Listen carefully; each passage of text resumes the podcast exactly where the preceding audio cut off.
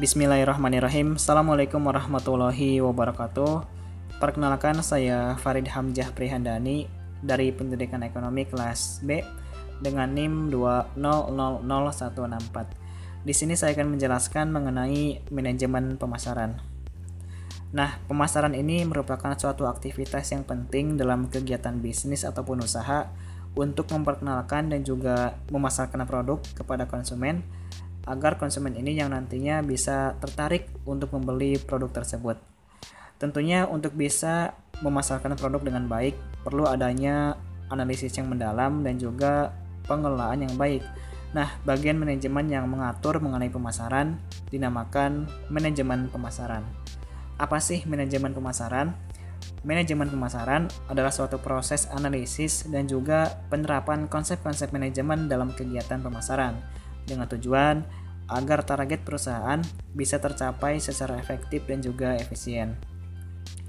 Dari pengertian tadi, kita bisa dapatkan beberapa konsep-konsep dari manajemen pemasaran. Yang pertama, ada orientasi kepada pelanggan. Nah, ini maksudnya yaitu menjadikan pelanggan ataupun konsumen sebagai prioritas utama ataupun sebagai sasaran utama dalam kegiatan pemasaran. Caranya itu dengan bisa memahami keinginan dan juga kebutuhan dari konsumen ataupun pelanggan. Kemudian yang kedua ada perencanaan kegiatan pemasaran. Nah, ini artinya segala aktivitas pemasaran seperti menyusun strategi, kemudian lagi menganalisis pasar dan juga pelaksanaan dari pemasaran itu sendiri itu perlu rencana yang matang, jelas dan juga terperinci agar prosesnya bisa berjalan dengan baik. Kemudian yang ketiga, itu ada kepuasan konsumen. Nah, ini artinya tujuan dari aktivitas pemasaran ini yaitu untuk bisa memuaskan konsumen. Salah satu caranya itu dengan bisa menghasilkan produk-produk yang berkualitas dan juga sesuai dengan harapan dari konsumen ataupun pelanggan. Kemudian kalau kita berbicara mengenai fungsi dari manajemen pemasaran, di sini setidaknya ada tiga fungsi. Yang pertama ada fungsi fisis, Nah, fungsi ini berfokus pada kegunaan waktu, lokasi, dan juga bentuk. Tujuan dari fungsi ini yaitu untuk bisa memastikan produk diproses dan juga disimpan hingga sampai kepada konsumen nantinya.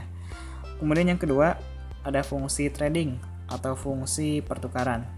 Fungsi ini artinya adanya transaksi jual beli antara produsen dan juga konsumen.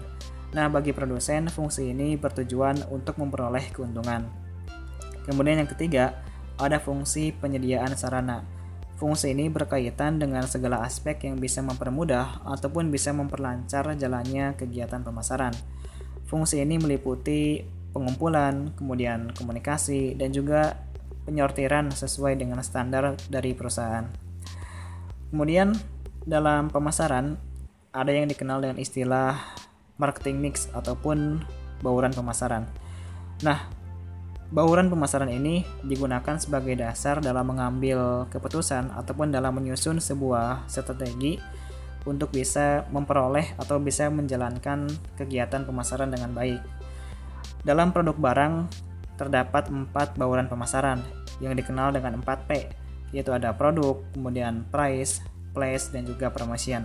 Sementara itu dalam produk jasa ada tujuh bauran pemasaran, Tiga tambah di antaranya yaitu ada people, proses, dan juga physical evidence gitu. Kemudian apa sih tujuan diterapkannya manajemen pemasaran ini? Nah, yang pertama di sini yaitu bisa membangun permintaan, kemudian bisa membangun kepuasan konsumen, kemudian lagi yaitu meningkatkan penjualan dan juga mendapatkan keuntungan yang maksimal. Kemudian lagi menciptakan citra yang positif di masyarakat serta menjaga kelangsungan hidup dari sebuah perusahaan ataupun bisnis.